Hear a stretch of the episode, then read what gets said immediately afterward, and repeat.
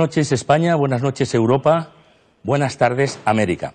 Saludos cordiales a los que nos siguen a través de Internet desde cualquier parte del mundo. Gracias por confiarnos la organización de este debate cara a cara.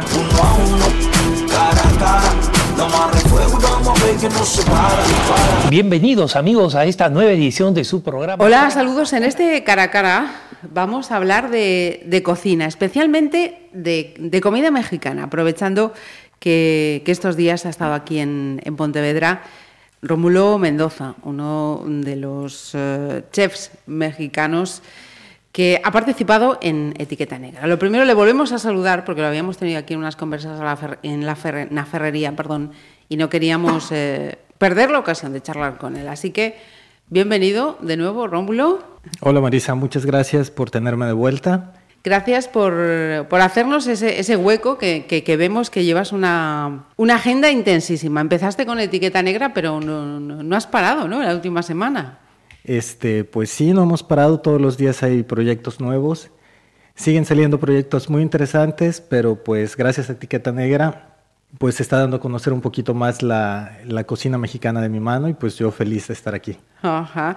Eh, esta eras, es eh, la, segunda ocasión, ocasión eh, estamos bien, ocasión en que estás aquí en Pontevedra. La primera fue con el Salón del Libro. Yo tenía curiosidad por saber cómo y, cuándo fue ese, primer contacto con, con Pontevedra.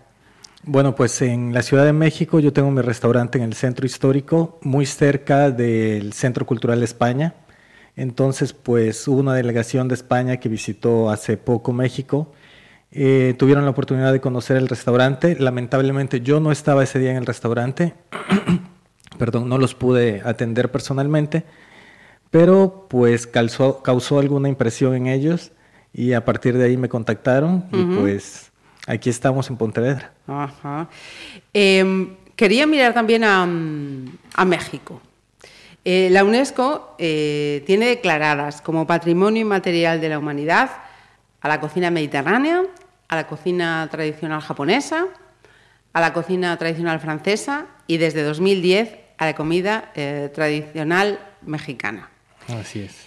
Em, esto conlleva un, compromiso de, proteger y, preservar estas, estas tradiciones culinarias.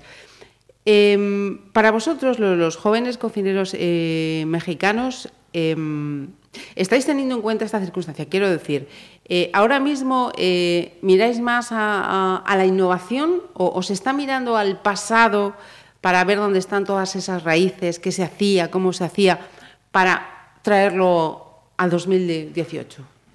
Pues mira, sinceramente la Ciudad de México es un mundo, es una ciudad muy grande, tenemos miles y miles de restaurantes. Eh, cada quien trabaja su propio concepto.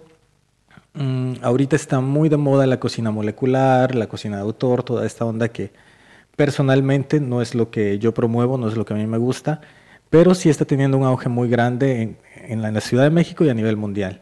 Entre los 50 mejores restaurantes del mundo hay varios restaurantes mexicanos que están manejando este tipo de cocina, cocina molecular.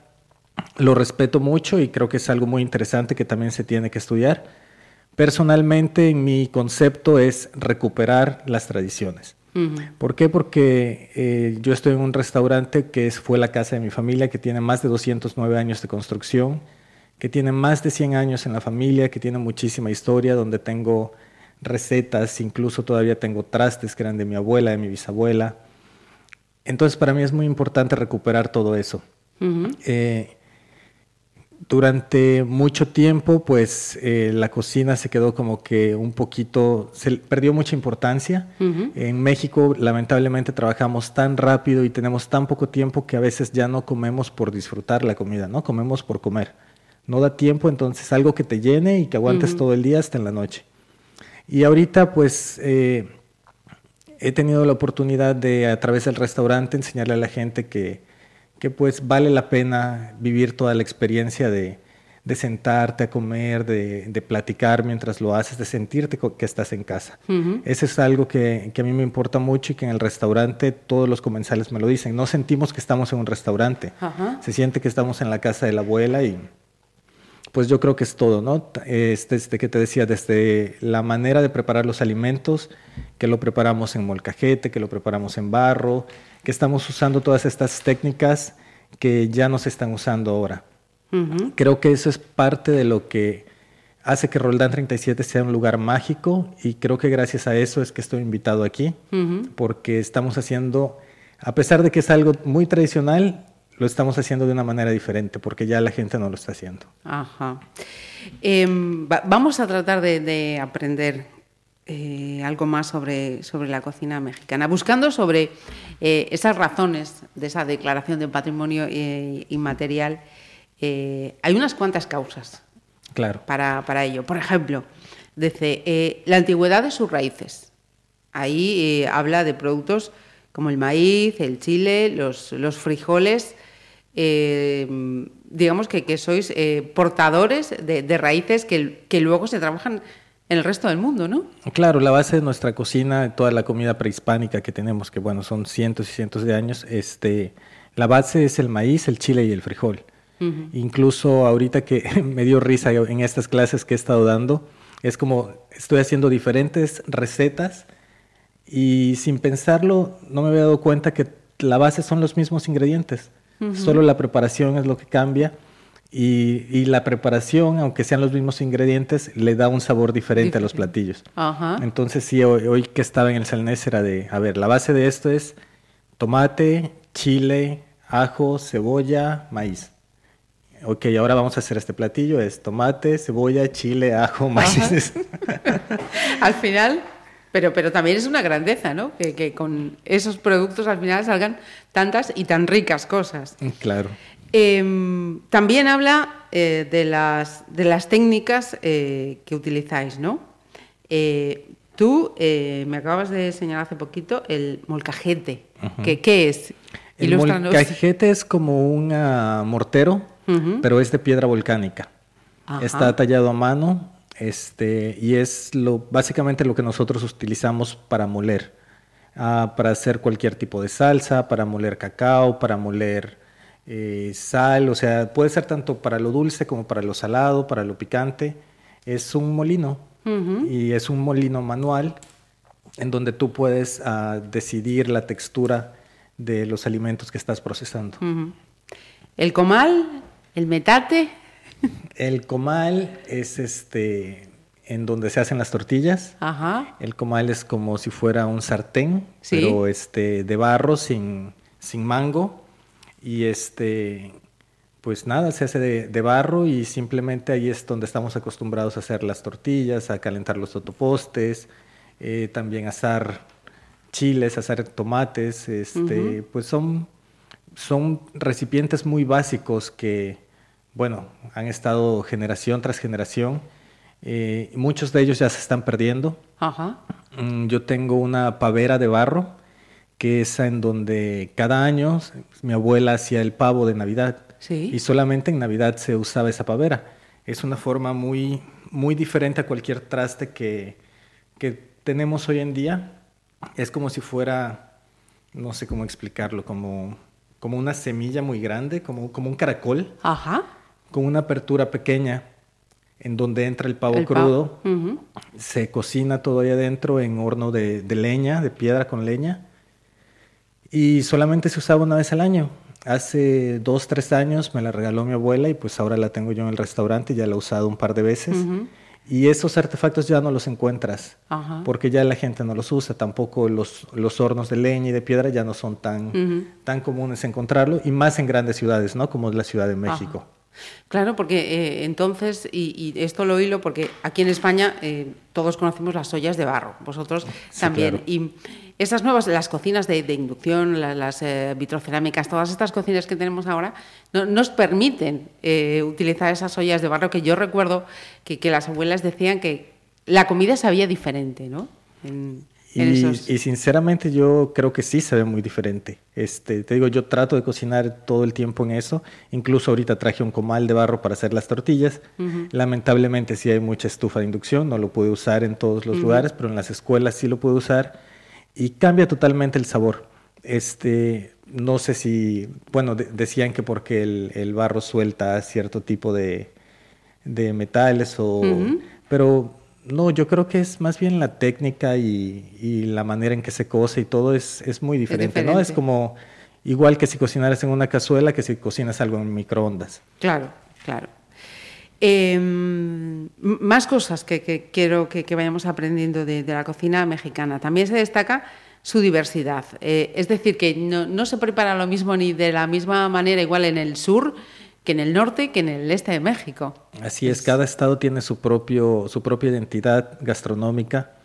Eh, es increíble, yo les recomiendo cuando vayan a México, sí, claro, ir a, a probar restaurantes que están innovando, que están haciendo cosas diferentes pero te aseguro que todo eso que estamos innovando, todo eso que estamos experimentando, viene de cocinas tradicionales mexicanas. Uh -huh. A mí personalmente, de las cosas favoritas de hacer es irme, le decimos a pueblear. Uh -huh. Te subes a tu carro, te vas de pueblito en pueblito y puedes conocer cocinas tradicionales que, que no te imaginas que existen, que la gente sigue cocinando con leña, que la gente sigue cazando lo que se va a comer. Uh -huh. Este y es totalmente diferente. Y también hay muchos productos que solo vas a encontrar en, en ciertos, ciertos pueblos, uh -huh. que aunque tú lo quieras replicar en otro lugar, no se va a poder.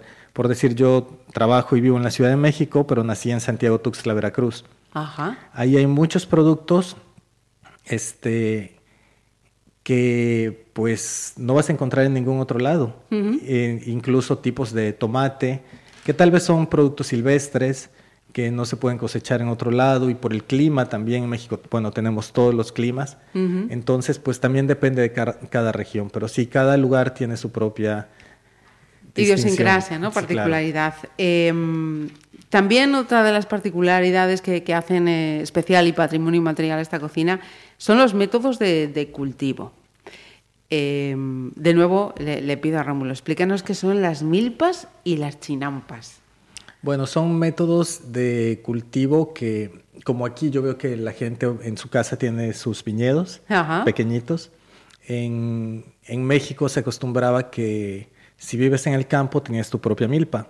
Ajá. En la milpa siembras todo lo básico para tu cocina, lo que es maíz, tomate, frijol, chile, cilantro.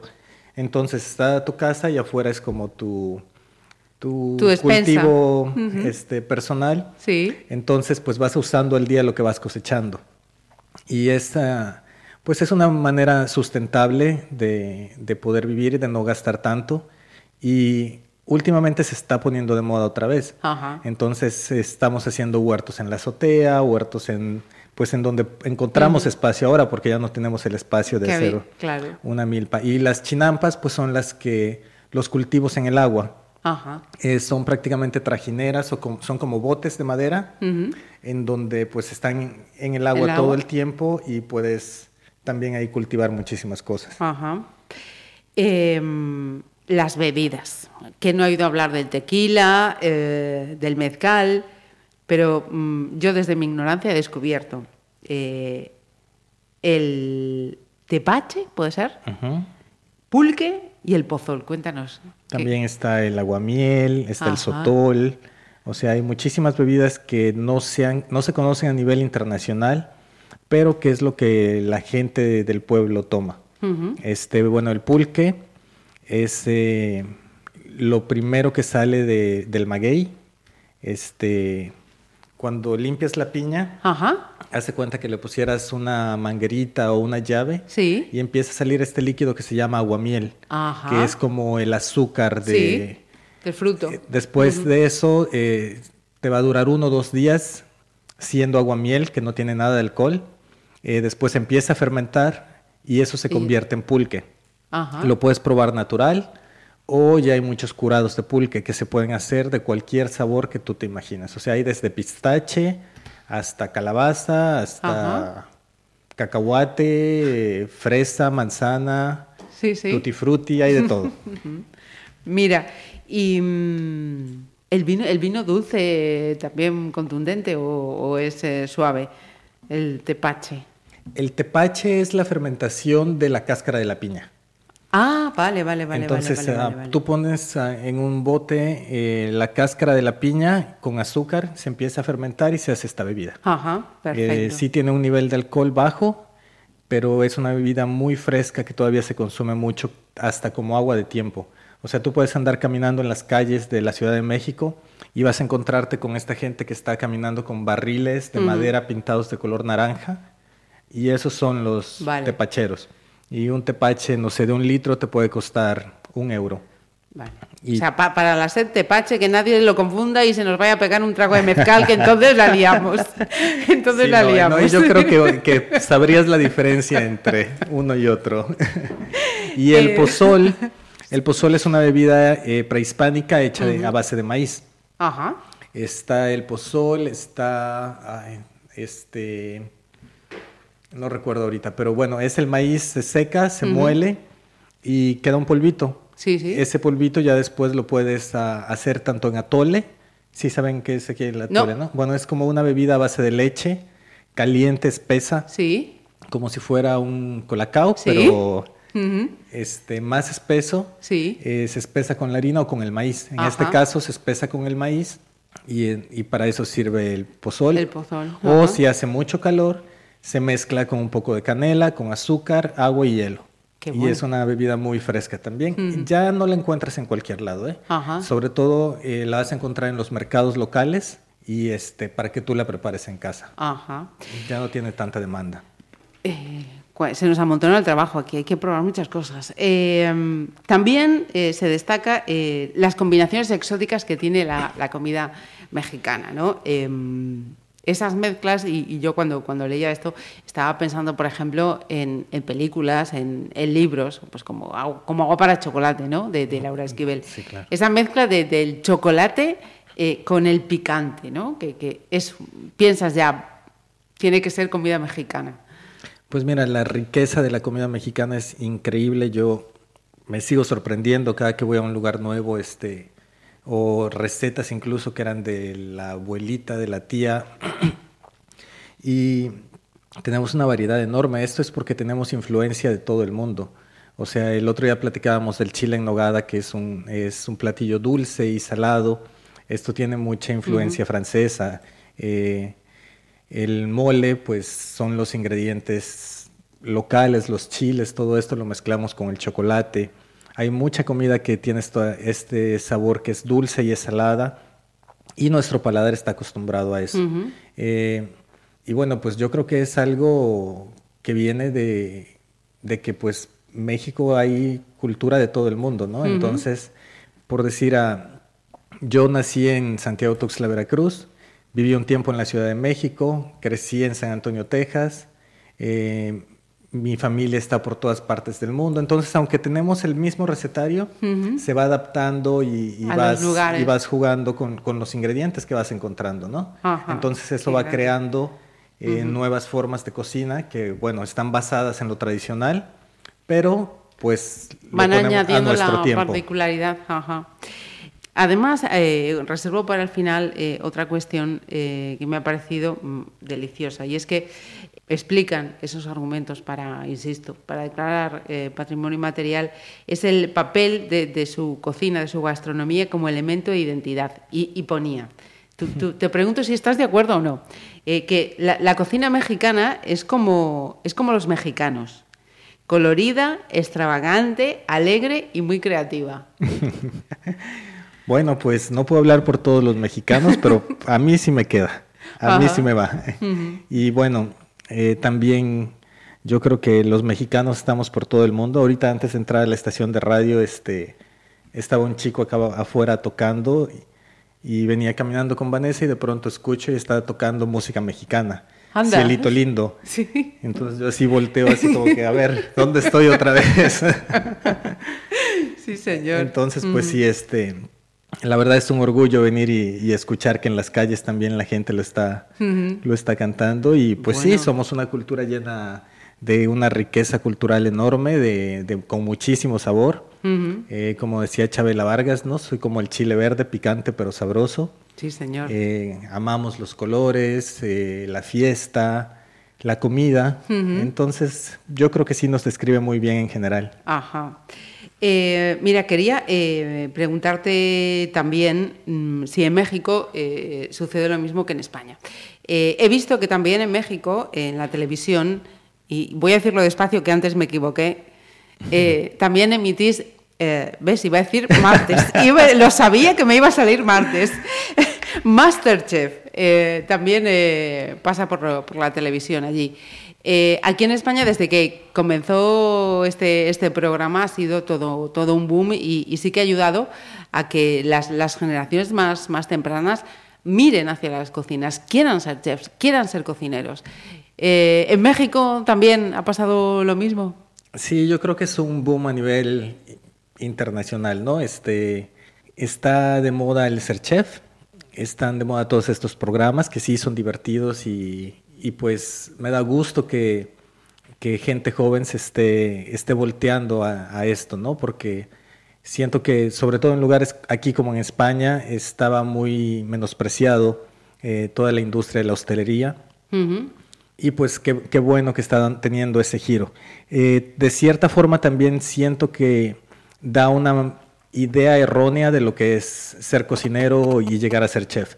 Porque ahora veo que también mucha gente está yendo a las escuelas y se están inscribiendo a estudiar gastronomía con la idea de que van a salir de ahí para estar en un periódico, para estar en una revista, para estar en televisión y realmente... O sea, asocian una cosa con, la otra. No tiene mm. nada que ver, créeme. O sea, es muchísimo trabajo, son muchísimas horas, mucha dedicación, mucho esfuerzo, prácticamente todo tu tiempo, toda tu vida. ¿Por qué? Porque cuando la gente sale a comer, cuando la gente sale a celebrar, es cuando tú tienes trabajo. Entonces tú no tienes tiempo de celebrar Día de las Madres, cumpleaños, días festivos, tú vas a estar trabajando, Navidad, Año Nuevo, todo eso. Entonces, creo que sí es importante que también tomen en cuenta que, el ser chef no es solamente tener un ratito de fama y salir en televisión, ¿no? Eso momentáneamente y yo creo que va a pasar como pasa con todo. Este, digo, ahorita hay que aprovecharlo y qué bueno que, está pasando y se nos está reconociendo. Pero, pues si no, el ser chef no es solo, solo estar en la televisión. efectivamente, efectivamente. Eh, otra cuestión que también hablábamos con, Rómulo antes de, abrir los micrófonos, eh, yo le preguntaba, mira, eh, y hablábamos que si los burritos, que si las fajitas, y me dice, cuidado, que eso no es comida mexicana, eso es comida Tex-Mex, lo, que vemos en, los sobrecitos ya preparados. tenemos esa, esa, imagen distorsionada, como pasa con tantas cocinas, ¿no? de lo que es la comida mexicana en realidad. Claro, es como todo, ¿no? Yo creo que, digo, también estando a, tantas, a tantos kilómetros de distancia, pues es difícil conseguir lo original. Eh, creo que se apegan lo más que se puede a la cultura, eh, pero pues también es importante que, no sé, si, si va a haber un restaurante mexicano, pues si lo pone un mexicano, yo creo que va a ser más auténtico que si lo pone un gallego, ¿no? Es como que, que un mexicano llegara a Galicia a poner algo de comida gallega. Nunca va a ser lo mismo. Entonces, pues es como todo todas las cocinas. Yo creo que, no sé, en, Francia no creo que las papas le digan papas a la francesa. No sé, es, esa, confusión, ¿no? Que nos ha llegado. Es complicado porque, pues, es difícil tenerlo auténtico. Incluso ahorita que yo estoy cocinando aquí, estoy tratando de hacerlo lo más auténtico posible. Lo estoy logrando porque yo traje muchos de los ingredientes. Sí, sí. Pero la mayoría no los encuentras aquí. O sea, para hacer el chile en nogada que necesitas la nuez de Castilla, que necesitas el acitrón, el tipo de manzana, el tipo de pera, porque no es la que encuentras en el súper. Es algo que es solo de temporada. Este, si yo no hubiera traído los ingredientes es imposible hacerlo porque puedes hacer una versión de y es lo que pasa, es lo que está pasando aquí, ¿no? están tratando de apegarse lo más que pueden con lo que tienen. Sería imposible pedirles que que hagan un chile en nogada como tiene que ser. Ajá. Mira, ya que hablabas, eh, Rómulo, de, cómo estás tratando de, hacer cocina mexicana estos días en, Galicia, eh, algunas cuestiones eh, sobre, sobre eso. El picante. Aquí, aquí en Galicia, si tú viajas por España y te dicen un, producto que pique muchísimo en España, te van a decir pimiento de padrón. ¿sí? O sí. Y, y luego llegan los mexicanos y te dicen, esto no pica. Porque vuestro concepto de, picante, el sabor, ¿no? Es, totalmente diferente. ¿Cómo, ¿Cómo, podemos explicar eso a través de la radio? Pues es muy difícil porque depende del paladar de cada quien, ¿no? Lo que a ti te gusta puede que a mí no me guste. Pero, bueno, personalmente a mí no me ha tocado un pimiento de padrón que me pique. siento que sabe rico, que tiene buen sabor. A mí me sabe como un chile poblano ya aliñado, ya este, desvenado, sin semilla ni nada. Y ese saborcito ahumado es a lo que a mí me sabe. A mí no me pica para nada. El otro día también estaba cocinando en casa de unos amigos y les digo, a ver, es que quiero algo picante. Y me dicen, no, pues lo único picante es la guindilla. Y digo, a ver, pues dame una. Y agarré una y me la comí así como si nada y todos así sorprendidos de... Es que eso es como para cocinar para todos. Sí, sí, sí. Y yo, no, pues está rico, dame dos más. Entonces, pues es algo que tiene que ver mucho con nuestro paladar. Nosotros desde niños crecemos comiendo chile, o sea, los, los dulces. Sí. Allá en, de 3, 4 años estamos comiendo paletas con chile. O sea, lo que es el caramelo macizo, no sé, sabor mango, sabor sandía, ahí está sabor cerveza, este, sin alcohol obviamente. Ajá. Eh, pero todo esto viene cubierto en Chile. Sí, sí. Entonces ya nos vamos acostumbrando. En, saliendo de la escuela está el puesto de frutas y te venden tu cóctel de frutas, pero con chile. Hay un dulce que creo que lleva jengibre, con, con qué era.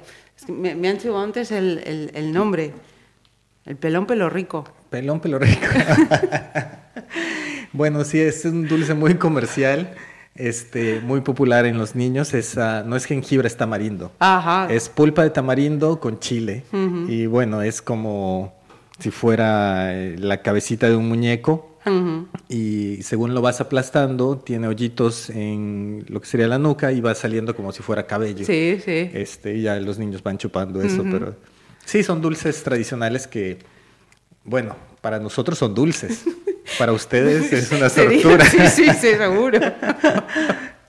y, hablando de, eso, de los productos gallegos, de los productos eh, mexicanos, eh, ¿qué exportarías a México de los productos que, has encontrado aquí en, Galicia?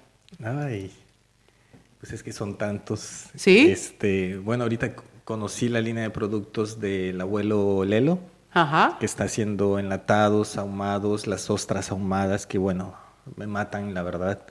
Este, hoy este, tuvimos una visita en un viñedo también, en, en Laure, Laure, Laureatus. Laureatus. En Laureatus. Este, y nos dieron a probar también unos, unas ostras increíbles que acaban de traer. O sea, digo, ojalá y se pudiera llevar con esa frescura. claro. Pero pues eso hay que venir a comerlo aquí. Eh, de lo que yo me llevo personalmente, que me gustó mucho, son ah, aceites de olivo, eh, pimentón, pimentón dulce, pimentón eh, picante, que yo nunca le encontré el picante. Ah, claro. este, pero pues sobre todo las técnicas y, y pues, como te digo, es como si voy a México a comer a un restaurante de comida gallega, nunca va a ser lo mismo, porque aunque sea de un gallego y, no va a encontrar los mismos ingredientes, va a cambiar, especialmente para el que lo conoce. Porque yo a ti te puedo decir, a ver, prueba esto, es el dulce más tradicional mexicano, y si nunca lo has probado, pues no vas a saber. Pero si eres mexicana y te digo eso, me vas a decir, eso no es mexicano. Ya, ya, ya. Entonces, pues, creo que están haciendo buen trabajo. Creo, me, me gusta que, que, están abriendo más lugares mexicanos. Ahorita en las clases que he estado dando, la que di hoy fue muy, eh, estuvo muy divertida porque me decían muchos, no, es que toda la comida mexicana pica. Les digo, no, no necesariamente, o sea, va a picar si tú le pones picante, pero si quieren, hacemos un guacamole sin picante, hacemos uno con picante, una salsa con, una salsa sin, y así lo hicimos. Y todos decían que no comían picante porque no lo soportan o porque tienen gastritis o no sé qué. Bueno, hice un bol de salsa picante, hice una sopa con picante, hice un guacamole con picante y todo lo que tenía picante se acabó. Y nadie decía nada. Sí, sí. O sea, sí hubo una chica que sí se enchiló demasiado, le di un poco de sal, pero todos los demás estaban como que como que te causa un tipo de adicción, ¿no? Sí, sí. Ay, sí pica, pero quiero más. Y y al final se acabaron todo lo que picaba y ya les dije, a ver, no que nadie come picante aquí, y se comieron todo, todo el picante. Me quedé con esa frase que has dicho, se enchiló demasiado. Sí. eh, mencionaba ya antes a, a Laura eh, Esquivel. Eh, ¿Cuánto eh, ha dado la gastronomía a la literatura y la literatura a la, a la gastronomía? Eh, si, si, yo te pido eh, un libro para que nos acerquemos a la gastronomía mexicana, ¿cuál nos recomendarías? Eh, bueno, tal cual de recetas hay muchísimos libros. Eh, de mis favoritos, bueno, Laura Esquivel, a mí me encanta. Como agua para chocolate es mi novela favorita de todos los tiempos. La película también, la realización está estupenda. Y después sacó un libro que no es muy conocido, eh, que se llama Las recetas de Tita. Sí. Y bueno, si bien recuerdan, Tita era el personaje principal. Sí. En este, en este libro de las recetas de Tita, es el diario de Tita. Entonces eh, viene como la parte que no se ve de Tita en la película y, está muy interesante y trae las, trae las recetas este, que se preparan en la película. Entonces es un libro muy, muy bonito que a mí me gusta mucho. También está ah, Canasta de Cuentos Mexicanos. Y bueno, también te digo, son libros que tienen historias, pero también cuentan recetas. Eh, también de mis favoritos, bueno, ya, ya estoy diciendo muchos, me preguntas. Bueno, no, no, está bien, está bien, te lo agradezco. El último es uh, Hierba Santa, que es el recetario de Frida Kahlo. Ah. Y también es como el diario de Tita que te va contando la historia y dependiendo de la historia te va contando la receta. Entonces ahí viene la receta del chile en nogada y te cuenta cómo es toda una fiesta hacer eso, cómo se junta toda la familia, cómo el, preparar ese platillo es escuchar mariachi, tomar tequila y contar chismes. O te cuenta como cuando Diego le engañaba y, este, y crea el mole y entre el, en el mole molían este, la ex esposa y ella molían los dioses de piedra que guardaba Diego, se los molían para que se los comiera sin que él supiera. Entonces, tiene historias muy interesantes y tiene recetas muy buenas. Obvio, no le pongan piedra al mole, pero... Queda dicha la recomendación gastronómica, la recomendación eh, literaria. Y Rómulo, de verdad, muchísimas gracias por habernos acompañado este ratito. Y, oye, que vuelvas prontito a, a Pontevedra. No, muchísimas gracias a ustedes. La verdad, me voy súper contento. Bueno, todavía no me voy, sigo aquí, pero estoy súper contento. Me han tratado, bueno, como siempre, y me siento aquí como una celebridad. Eh, y bueno, es un gusto para mí estar aquí, poder compartir algo de la cocina mexicana, pero pues sobre todo conocer gente nueva, compartir con ustedes. Y pues también bienvenidos a México cuando gusten. Allá recuerden, estamos en el restaurante Roldán 37 en el centro histórico de la Ciudad de México. En, el barrio de la Merced, ¿no? en el barrio de la Merced, el barrio más antiguo de la Ciudad de México. Y en redes sociales también nos pueden encontrar como Roldán 37. Muchísimas gracias. Gracias a ti. Chao. Cara a cara, nos volvemos a ver. Cara a cara. Pontevedra Viva Radio. Oh.